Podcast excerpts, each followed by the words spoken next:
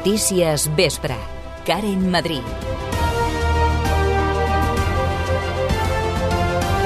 Atents al cel perquè pot tornar a nevar a Sabadell en les pròximes hores. Helena Molís, bona tarda. Bona tarda. Tot i que no queda ni rastre de l'enfarinada d'aquest matí, l'episodi es podria tornar a repetir aquest vespre. Ho ha avançat el meteoròleg ballesà Xavi Segura. A partir de la tarda i vespre, els mapes indiquen que arribaria una nova tongada de, de ruixats que afectaria sobretot litoral prelitoral de Barcelona. Per tant, també el Vallès, Sabadell, i aquí sí que la cota sembla que quedaria entre els 200-300 metres, per tant, una mica justeta, però vaja, no podem descartar encara, no podem descartar que es pugui veure nevar Sabadell a partir d'aquest vespre, sobretot. Davant les baixes temperatures es manté activada l'operació Fred d'atenció a les persones sense sostre amb l'obertura de l'alberg nocturn de la Creu Roja. Els hotels sabadellencs tornen a beneficiar-se del Mobile World Congress. El certamen que ha arrencat avui a Barcelona ha portat a omplir el 90% de les habitacions de l'hotel Urpí, una xifra que no s'assolia des d'abans de la pandèmia. A més, la fira també compta amb presència sabadellenca com la recent guardonada dels Premis Union Colomat. I en esports, la final a 4 de la Champions de waterpolo femení es jugarà a Can Llong. Les semifinals i la final de la competició es disputaran el 31 de març i l'1 d'abril, segons s'ha confirmat avui. L'Astralpool jugarà les semis contra l'Horizonte, mentre que l'altra eliminatòria emparella el Mataró i el Duna Baros. Aquestes i altres notícies les repassarem en la pròxima mitja hora amb el Toni González a les vies de so. Notícies Vespre. Tota la informació a Ràdio Sabadell.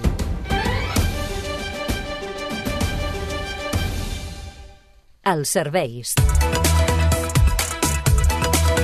Aquesta hora, situació molt complicada a la xarxa viària catalana. A l'AP7 hi ha un quilòmetre de retencions a Barberà en sentit sud i 8 quilòmetres a Cerdanyola en sentit nord. A la B30 també a Barberà un quilòmetre i mig de cues en sentit sud i a la C58 3 quilòmetres de retencions a Montcada per anar cap a Barcelona. Si mirem a la ciutat comtal, trànsit molt dens amb aturades a la ronda litoral entre Cantunis i la Barceloneta en els dos sentits i a la ronda de dalt entre Sarrià i la Meridiana en sentit Vallès. El temps. Ara mateix tenim 6 graus a Sabadell, temperatures que es mantenen baixes i aquesta amenaça de nevades. Què hem d'esperar de cara a les pròximes hores? Li preguntem a la Carme Farnell. Bona tarda. Bona tarda. Durant les properes hores s'espera que continuem parlant d'aquest temps inestable. S'espera que arribi precipitació, més precipitació pel sector del quadrant nord-est i aquesta precipitació de cara a aquesta propera nit i matinada anirà escombrant i afectant a diversos municipis de les comarques de Barcelona i també cap al Camp de Tarragona. I des que el Servei Meteorològic de Catalunya s'ha activat de nou aquest avís que es puguin acumular més de 2 centímetres de neu per sobre dels 400 metres. Cap a l'interior del territori no s'espera precipitació, sí que hi farà molt fred i també tindrem el cel variable amb estones de sol però també amb el cel força serenat. Cal dir que de cara a demà continuarem parlant d'aquestes temperatures tan baixes, tot i que de cara al migdia quedaran una miqueta més altes que les que hem tingut avui. Això és tot des del Servei Meteorològic de Catalunya. Tot just quan es compleixen 5 anys de l'última gran nevada a la ciutat, Sabadell s'ha llevat avui coberta de blanc.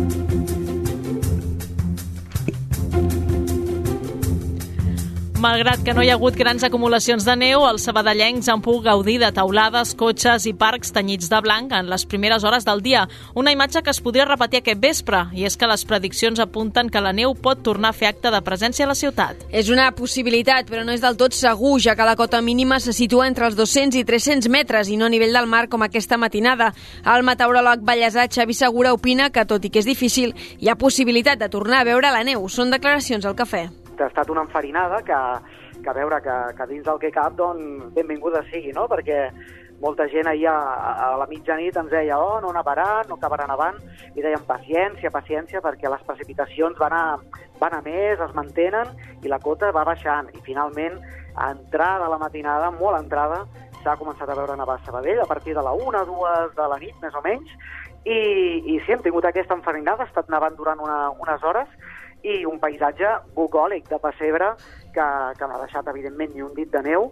La nevada d'aquesta nit no ha provocat incidències, ja que els gruixos han estat d'un centímetre i la neu no s'ha acumulat als carrers. De fet, a mig matí ja no hi havia ni rastre de la nevada d'aquesta matinada que han farinat taulades, arbres i cotxes aparcats al carrer. Ha estat una enfarinada que, que a veure, que, que dins del que cap, doncs, benvinguda sigui, no? Perquè molta gent ahir a, a la mitjanit ens deia oh, no nevarà, no acabarà nevant, i deien paciència, paciència, perquè les precipitacions van a, van a més, es mantenen i la cota va baixant. I finalment, a entrada a la matinada, molt entrada, s'ha començat a veure nevar a Sabadell a partir de la 1 2 de la nit, més o menys, i, i sí, hem tingut aquesta enfarinada, ha estat nevant durant una, unes hores, i un paisatge bucòlic de pessebre que, que no ha deixat, evidentment, ni un dit de neu. A l'espera que la neu torni a aparèixer a la ciutat, es manté activat el nivell 1 i 2 de l'operació Fred d'atenció al sense sostre. A més de les sortides de les unitats d'emergència social de Creu Roja, Actua Vallès i Ningú sense sostre, s'ha tornat a obrir l'alberg nocturn per acollir persones que viuen al carrer i l'espai d'acolliment diurn a càrrec de Càritas.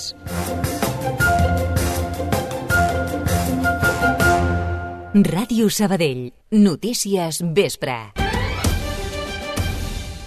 Sabadell recupera l'impacte del Mobile World Congress que ha arrencat avui a Barcelona amb més de 2.000 expositors. Després que les restriccions per la pandèmia reduïssin el nombre de visitants que arribaven a la ciutat l'any passat, en aquesta edició la presència s'ha pràcticament recuperat en hotels com l'Urpi. De fet, ha arribat a omplir el 90% de les habitacions per a aquestes dates. El propietari de l'hotel del carrer Sant Maties, Josep Urpi, admet que s'estan repetint les tendències d'anys anteriors entre els visitants. Arriben a Sabadell sobretot asiàtics que no volen pagar els elevats preus dels hotels barcelonins. No obstant això, també assenyala que no s'ha registrat el mateix fenomen que els primers anys de la proposta. Evidentment, els, els anys primers del, del mobile van ser molt, molt potents, no? molt, molt forts, i, i ja dic que tot, tot, tot, tot els hotels del voltant de Barcelona s'omplien i molta gent pues, que potser no era del mobile, però, però sí que evitaven aquells preus tan, tan elevats, pues, ens, ens buscaven el, el, que és la part de fora i fèiem, evidentment, que plani, omplíem tots. Ara pues, la cosa costa més, eh, és, és diferent. El titular del programa Visit Sabadell, Lluís Mates, assegura que la ciutat ha de treure pit dels grans esdeveniments com el Mobile. Que hi hagin esdeveniments de, de primer nivell internacional com són el Mobile, doncs ens beneficia, evidentment. Nosaltres eh, des de Sabadell hem d'aprofitar la potència de la marca Barcelona a nivell internacional i amb aquest tipus d'esdeveniments, doncs, evidentment, doncs, eh, Sabadell se'n surt i se n'ha de sortir encara més beneficiada i eh, més potenciada com a marca també. Les startups sabadellenques també estan aprofitant la cita internacional. Un exemple és la companyia Columat, que té presència al mobile. La seva project manager Georgina Coll ha apuntat al cafè de la ràdio quin és el principal benefici d'assistir a la fira. El poder estar present i formar part d'aquest ecosistema de startups Llavors és un tema de, de presència, d'estar al capdavant d'aquest futur d'empreses de, tecnològiques. Llavors això ens, ens dona molta repercussió a nivell de, de creixement d'empresa, no? De, al final ser, formar part d'un ecosistema tant de startups com de noves tecnologies que al final el que, el que t'aporta és, és visió i visió de futur, poder parlar amb altres empreses, àmbits de col·laboració, amb temes de, de networking el Mobile World Congress s'allargarà fins al dijous 2 de març. Encara en l'àmbit econòmic, la multinacional sabadellenca Fluidra tanca el 2022 amb uns guanys de 160 milions d'euros. Es tracta d'un 36,5% menys respecte de l'exercici anterior. El grup ha explicat que el seu benefici s'ha vist afectat per l'augment dels costos dels interessos davant del seu major deute mitjà, així com pels costos associats al procés de refinançament de gener. Amb tot, la companyia ha incrementat les vendes un 9% en l'últim any, tot situant-les en els 2.389 milions d'euros. Torna a escoltar aquest informatiu a radiosabadell.fm. Després de 14 anys en desús, avui han començat les obres per recuperar el poliesportiu del barri de Nostra Llar. En aquesta primera fase dels treballs es rehabilitarà la pista poliesportiva i també l'edifici on fins ara s'hi havia instal·lat l'Associació de Veïns del Barri. Les obres tenen uns pressupostos de gairebé 600.000 euros provinents de l'art tèxtil i s'hi treballarà durant 9 mesos. Més concretament, en aquesta primera fase se substituirà la coberta de fibrociment i el paviment i la solera de les instal·lacions. També es milloraran els tancaments, es construiran uns uns nous vestidors i una oficina, així com també una sala polivalent i un bar. Els principals beneficiats d'aquestes obres són l'Associació de Veïns, que comptarà amb una nova seu. La seva presidenta, Teresa Coret, en fa aquesta valoració. La Junta està molt contenta, el veïnat també de la manera que ha anat i, i bé, hem, hem fet una mitja entre tots. On no veien ells molt clar ens han ajudat a entendre-ho i nosaltres també fent-los entendre a veure si podia ser d'una altra manera, no hem tingut cap problema i això és molt d'agrair perquè fas la feina molt més fàcil per tothom. Esperem que, que tot vagi superbé. Per part de l'Ajuntament, l'alcaldessa Marta Ferrés ha reafirmat que aquest projecte ha sigut una prioritat per al consistori des de l'inici del mandat. L'alcaldessa defensa que aquest nou projecte ajudarà a fer més comunitat en aquest barri. Una obra llargament reivindicada en el barri, un espai que tenim sí. molt emblemàtic i de moltíssima centralitat en aquí nostre llar, que com sabeu és un barri, doncs, com jo, dic jo, de casetes, eh, i per tant amb un veïnat que es coneix molt i que realment aquest és un, un dels elements sempre molt integrats en el barri i és dels pocs elements també doncs, que tenen el barri per poder fer sí. pinya i poder fer, poder fer comunitat no? i poder fer barri. No? Per la rehabilitació de la piscina encara no hi ha ni projecte ni tampoc partida pressupostària. En política, la crida per Sabadell es considera imprescindible per l'impuls de projectes de ciutat. Així ho ha manifestat la regidora de la formació, Ana Lara, en declaracions al Cafè de la Ràdio. Tenim molt clar que nosaltres som imprescindibles perquè les coses passin, perquè nosaltres vam ser imprescindibles perquè el govern de transformació acceptés moltes coses i, per exemple, un dels punts que vam ficar el 2015 a l'acord de govern era precisament aquest no al quart cinturó i, per tant, eh, empenyem en temes de ciutat i seguirem amb, amb força. Tothom té molt clar quina és l'opció, com és la crida, que som el que diem i que, per tant, doncs, nosaltres anem exactament a això. Lara assegura que es presenten a les eleccions del 28 de maig amb la voluntat de guanyar. En cas de necessitar socis de govern, els pactes serien programàtics. Lara ha exposat les línies vermelles de les quals parteixen. Amb Vox no tindrem cap mena d'acord programàtic perquè és evident. Um, amb el PSC um, han passat quatre anys en què no s'ha reconegut uh, les ombres dels mandats anteriors. De fet, el contracte d'esmatza és una patata calenta que no han arribat a assumir, a treballar amb la contundència que haurien d'haver fet. És a dir, jo el que m'esperava és un PSC que fingia haver-se, mm, no sabria com dir-ho, sanejat, eh, el primer que haurien d'haver fet és agafar el tema de, d'esmats amb, amb contundència, amb claretat, Lara també insisteix que la seva formació mantindrà el no al quart cinturó, porti el nom que porti, i només acceptaria una connexió amb castellà de baixa capacitat. Exhibició de força per part dels opositors al quart cinturó. Sabadell ha acollit aquest diumenge una manifestació que ha plegat 4.000 persones segons els organitzadors, una xifra que la policia municipal ha rebaixat fins als 3.000. La protesta és la resposta a l'acord entre Esquerra Republicana i el PSC per tirar endavant el projecte, a canvi que els socialistes donessin suport als pressupostos de la Generalitat pel 2023 2023. Per això algunes de les consignes que es van escoltar durant la protesta anaven dirigides directament al president Pere Aragonès.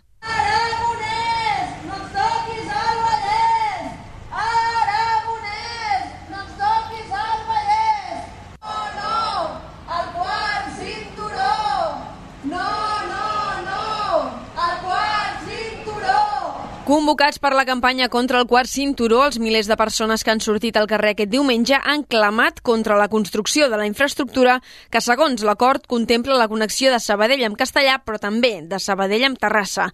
Els manifestants consideren que el projecte és obsolet, trinxa el territori i no respon a les necessitats de mobilitat actuals del Vallès.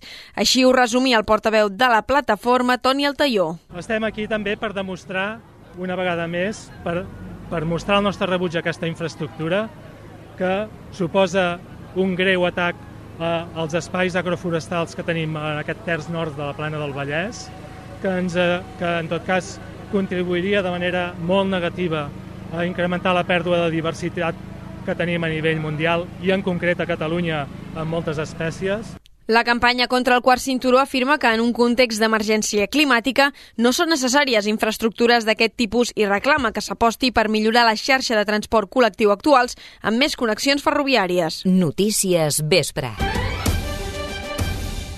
L'Ajuntament de Sabadell demana un referèndum pel Sàhara Occidental i que s'acabi l'espoli dels seus recursos naturals per part del Marroc. Es desmarca així de la postura del govern espanyol que va acceptar la proposta d'autonomia del país a la lluita per la regió. Precisament avui que es commemora la proclamació de la República Àrab Saragüí Democràtica. I justament és el govern central a qui s'adrecen les peticions del manifest de la Coordinadora Catalana d'Ajuntaments Solidaris amb el poble saharaui. L'ha llegit Yaida Mehdi Mohamed Lamin, infermer del Taulí. Sol·licitar al govern espanyol la reforma urgent del reglament, del reglament de reconeixement de l'Estatut d'Apàtrida per, a, per garantir que es cobreixi les necessitats de protecció de les persones saharauis que en són sol·licitants al territori espanyol. Vull dir que tenim una realitat de saharauis que han sol·licitat l'estatut d'apàtrida i que encara, després de dos i tres anys, esperant una resolució favorable. Del 3 al 7 de març, l'Ajuntament serà un dels set consistoris catalans que se sumarà al viatge que es fa als campaments. La tinenta d'alcaldessa, Marta Morell, participarà en aquesta expedició.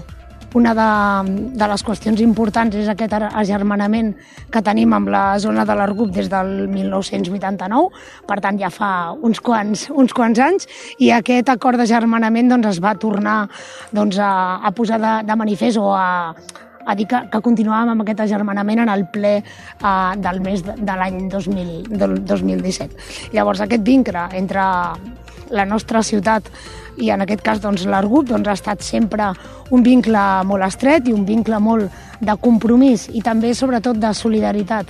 La novetat d'enguany és que s'obre el projecte als camps al personal sanitari, com explica Sílvia, mestres del taller d'Art, Cultura i Creació i coordinadora de l'agermanament amb el Sàhara.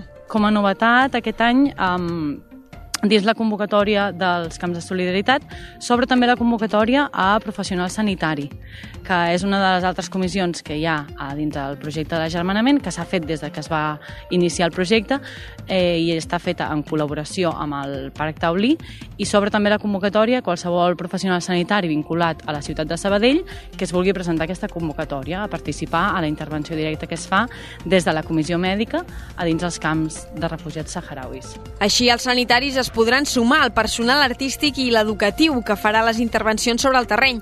Durant aquest dilluns, la bandera bandera del Sàhara Occidental ha onejat el pal de la plaça Doctor Robert de l'Ajuntament. Encara en l'àmbit social, l'entitat Andidown Sabadell ha inaugurat un nou local al carrer Sant Cugat, al centre.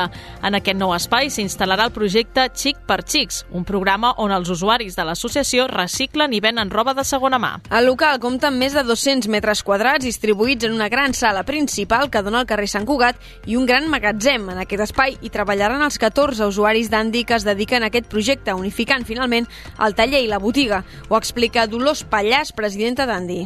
Ara teníem dos espais. Un espai a la seu de l'entitat, Andi, que estem allà al carrer República, on hi havia els nois que reciclaven els productes. I teníem un altre espai molt petitó, un local en el carrer Alemanya, on els posàvem de venda al públic. Llavors, els, els nois, els participants en el projecte, estaven separats. N'hi havia dos en el carrer Alemanya i els altres 6 o 7 segons els dies en l'altre local. Això ens permet que estiguin tots junts Segons la mateixa Pallàs, poder tenir finalment un local com aquest és un pas endavant per la visibilització de l'entitat, així com també pel seu funcionament. És un pas endavant. A més, hi ha, hi ha dues educadores que et, per, et dona més mobilitat que no pas si hi ha una persona per sis i una altra per dos, però no, hi, ha, hi ha més. Si un dia un no està malalt, doncs, eh, bueno, eh, hi ha més, dona més joc. A la inauguració d'avui també hi ha participat l'alcaldessa de Sabadell, Marta Ferrés, i el regidor d'Acció Social, Eloi Cortés, qui han posat en relleu la gran compenetració entre el consistori i l'entitat.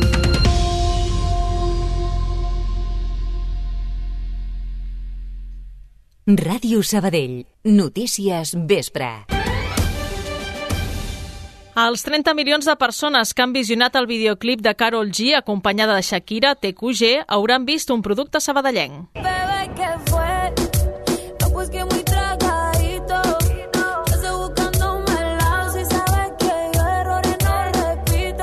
Tracta d'una faldilla d'an marró que fa pensar en els tons de la terra. I que és obra del creador ballesà Javier Guijarro, de 22 anys, estudiant de l'escola ESDI, i que ha participat, ha explicat al programa al matí que li van posar unes premisses de partida. Hi ha una mica en premisses, perquè mm, òbviament és un projecte, és gran, eh, bueno, és molt gran, i, i al ser també un videoclip també s'ha de tenir en compte que el videoclip pues, té un director i té uns dissenyadors d'un set i un, una llum predeterminada i, un, i una paleta de color i una estètica i un concepte, no? I doncs la roba que es fa per al videoclip també ha d'anar una mica eh, en conjunt i, i que funcioni tot junt. Guijarro també ha vestit altres artistes de la talla de Bad Gyal o Raúl Alejandro. L'encàrrec li va arribar, però, aquest Nadal. Sí, va ser el Nadal, durant els dies de vacances de Nadal. Eh, em va arribar la proposta, no sé si era com el 23 de desembre, i, i era com una proposta per solucionar, a veure si podíem dissenyar tal per una setmana o dos vista teníem per fer-ho. I sí, va ser a partir de, del tema de la Batllal, que l'equip era, part de l'equip era el mateix, suposo que es van sí. recordar de mi, els interessava i m'ho van proposar i, i vaig dir que sí, òbviament. De moment es tracta del treball que li han remunerat millor. En aquest sentit, agraeix que en grans produccions es pensi en creadors emergents. No sé, és bastant guai que artistes tan grans i, i equips que, que porten projectes tan grans i que tindran la repercussió com, com acabin pensant en gent que és emergent, que acaba de sortir d'altres estudis o que està intentant eh, tirar endavant un projecte. Eh, és com és una oportunitat molt gran que li dones a, a aquell dissenyador emergent i, i òbviament és una cosa que, que ens serveix molt i, i s'agraeix. Guijarro és el guanyador del premi a la millor col·lecció de moda de la seva promoció a l'ESDI Degree Fashion Show 2022. Si ella supiera que me busca todavía. Fora de Sabadell i la comarca. Protecció Civil ha ordenat el confinament preventiu de barris de Sant Boi de Llobregat i de Cornellà per un incendi en una indústria de pneumàtics a la primera localitat. 14 dotacions dels bombers treballen des de quarts de 5 de la tarda d'aquest dilluns per apagar el foc. L'immoble està situat al carrer de la Riera Roja i en el moment de l'inici de les flames no hi havia treballadors a l'interior. Laura Borràs assegura davant del jutge que tots els contractes fets per la institució de les lletres catalanes van rebre el vistiplau dels responsables administratius de l'organisme. La presidenta del Parlament suspesa insisteix que els contractes contractes signats amb l'informàtic Isaías Herrero, com tots els altres, també van ser acceptats pels interventors del Departament de Cultura. El Tribunal de Comptes ha rebutjat rebaixar la condemna per la consulta del 9 de novembre del 2014. El Tribunal ha rebutjat per unanimitat el recurs presentat pels afectats que demanava modificar el càlcul de la liquidació d'interessos de la condemna econòmica d'uns 5 milions d'euros per l'organització del 9-N. I un últim apunt, el govern català garantirà la gratuïtat d'anticonceptius de llarga durada a dones de fins a 29 anys. També hi podran optar aquelles persones persones que es trobin en situació de vulnerabilitat, així com aquelles que ho necessitin per motius clínics, en aquests dos casos, encara que tinguin més de 29 anys. En totes les preveu que se'n puguin beneficiar més de 600.000 persones. Esports.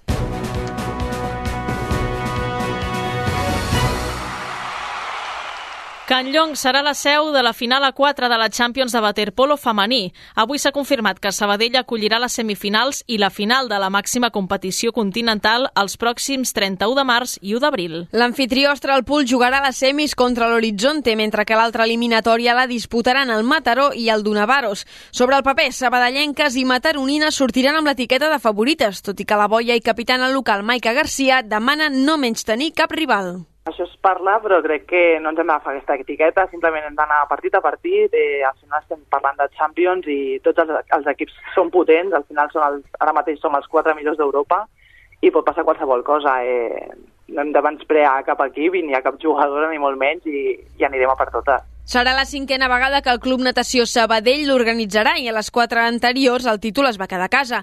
L'última ocasió va ser el 2019 en la recordada final contra l'Olimpiakos. Per tot, al vestidor la notícia està ben rebuda. Ostres, doncs mira, un orgull, o sigui, ja quan ens van comentar que la volíem demanar, eh, al final és una motivació extra el poder tornar a jugar a una casa i per què no aixecar-la, aquesta sisena. Tot després que les de David Palma es classifiquessin per aquesta Final Four malgrat perdre en la tornada dels quarts de final contra la 6 Roma 13-10, fent bons els 5 gols de renda de l'anada. En el global, un més dos per a l'Astralpool, que no ha acabat de deixar del tot satisfet el tècnic. Podria dir que l'última part vam fotre més, més cor que, que cap. Vam precipitar moltes accions, eh, ens vam equivocar en la presa de decisió. Això durant tot el partit. Va ser un partit que com et deia, no? es va fotre aquí molt, molt intens, eh, un waterpolo molt a la italiana, amb molt de contacte físic i aquí eh, ens va costar fer la lectura correcta, no entrar en aquest joc i, i tenir una miqueta més, més de cap, eh? A tot això, demà serà el torn per al masculí de l'Astralpool a la Champions, visitant el Marsella en el segon partit de la segona volta per als de Quim Colet. El centre d'esports torna a estar a l'aparador del futbol estatal. Si la setmana passada van ser les declaracions de Miqui Lledó les que van aixecar polsegueres, aquest cop han cridat l'atenció el golàs des del mig del camp de Cristian Herrera i la posterior suspensió del duel contra la UD Logroñés. Sergi Parc, bona tarda. Hola, Karen. A causa del fort aiguat i la pedregada que van caure a partir del temps de descans, es va decidir suspendre el partit. El resultat en aquell moment era d'1 a 0 i va donar temps de jugar un minut i mig de la segona part.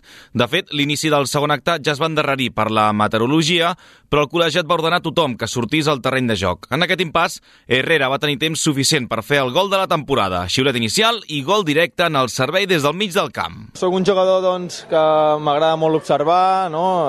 sempre miro el porter rival i bueno, he vist que quan pa Pau estava per secar el porter no és que estigués parat, sinó que estava caminant cap endavant i bueno, res, a una dècima de segon li ha dit que, que deixés la pilota, que anava a xutar i bueno, s'ha donat així i, i la veritat que, que molt content. Però bueno, eh, hem de seguir, que encara no està acabat. Herrera, un dels reforços del mercat d'hivern i qui ja du dos gols, també era capaç de demanar calma en un moment de tanta eufòria. Una cosa típica, eh, però bueno, eh, volem dir que el missatge que hem de transmetre, no? que el partit no està acabat, eh, està clar que l'eufòria del gol doncs, bueno, eh, també ens la mereixíem, no? perquè veníem jornades també eh, mereixent el gol i fem un bon treball, però bueno, l'eufòria l'hem de, de mesurar i saber que, que encara queden 45 minuts i és molt llarg. Els dos clubs resten pendents de conèixer ara quan es reprendran els 43 minuts més l'afegit amb 1-0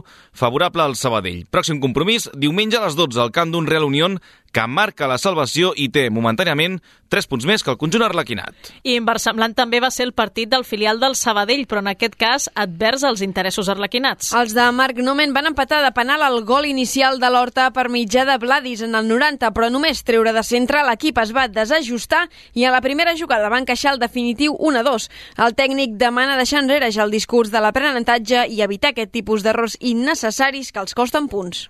100%, 100%. Jo crec que el partit estava decantat cap a nosaltres, amb l'1-1 eh, segur que ells anaven a quedar-se una mica groguis als minuts, de, als minuts finals i, i la veritat és que els ha sortit una jugada espectacular precisament perquè nosaltres hem fet el que no havíem de fer, que era desdibuixar-nos en, el, en la pressió en el, servei de, en el servei de mig del camp. La derrota contra l'Horta trenca una ratxa de nou partits seguits sense perdre dels arlequinats que segueixen sisens a primera catalana, però desaprofiten l'opció de saltar les places de la Superliga catalana.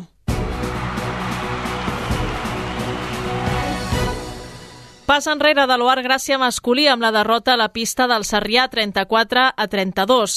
Els graciencs que venien de viure l'èxtasi de la victòria en extremis contra el Sant Cugat es van quedar amb un pam de nas en una seva sortida a terres gironines. Especialment en una segona part per oblidar que tot es va posar en contra de l'equip de Pere Iats, com explica així el tècnic. Hem començat molt forts, l'únic que eh, amb els canvis a la primera part ens hem ajustat molt al marcador i a la segona penso que ens hem precipitat una mica, ens hem posat nerviosos, Considero que l'arbitratge tampoc ens ha acabat d'ajudar en certes accions i un pou de nervis al final que ens ha condicionat a, a que el resultat se'ns anés de les mans al minut 20, 20 i poc. Dels rivals directes pel segon lloc d'aquesta primera nacional, l'únic que també va punxar aquesta jornada va ser el mateix Sant Cugat, que es queda amb els mateixos punts que el Gràcia, 29, però amb un partit pendent.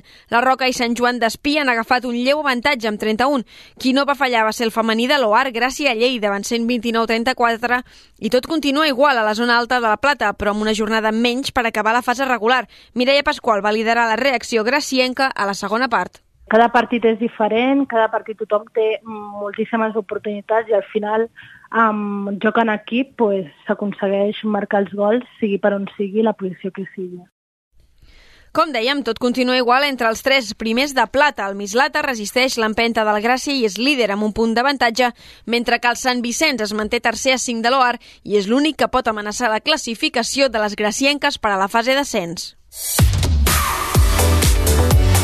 Primer top 10 de la temporada per David de la Cruz a O Gran Camino. Després de ser desè a la darrera contrarrellotge en final a Santiago de Compostela, el ciclista de l'Astana va pujar fins a la vuitena posició de la General a 3 minuts i 40 segons del vencedor, el danès Jonas Vingegaard, qui a més es van dur les tres etapes completades. A destacar també el paper de Raül Rota, l'altre sabadellenc a Terres Gallegues. A la seva primera volta per etapes amb els colors del Ràdio Popular Paredes Boavista portuguès, el de Canuriac va signar una meritòria 29a plaça a 7 minuts minuts de Vingegaard. Iker Pajares ha repetit resultat per segon any consecutiu a l'Sky on Fire de Washington DC. L'esquaixista sabadellenc havia passat les dues primeres rondes contra el portuguès Soares i el congonès quan Luau es va quedar novament a les portes de la final caient a mans del màxim favorit i número 10 del món, el francès Víctor Cruen. Pajares va cedir el primer joc per un ajustat 12-10 i no va tenir opcions en els dos següents. Gràcies, Helena. Bona tarda. Adeu.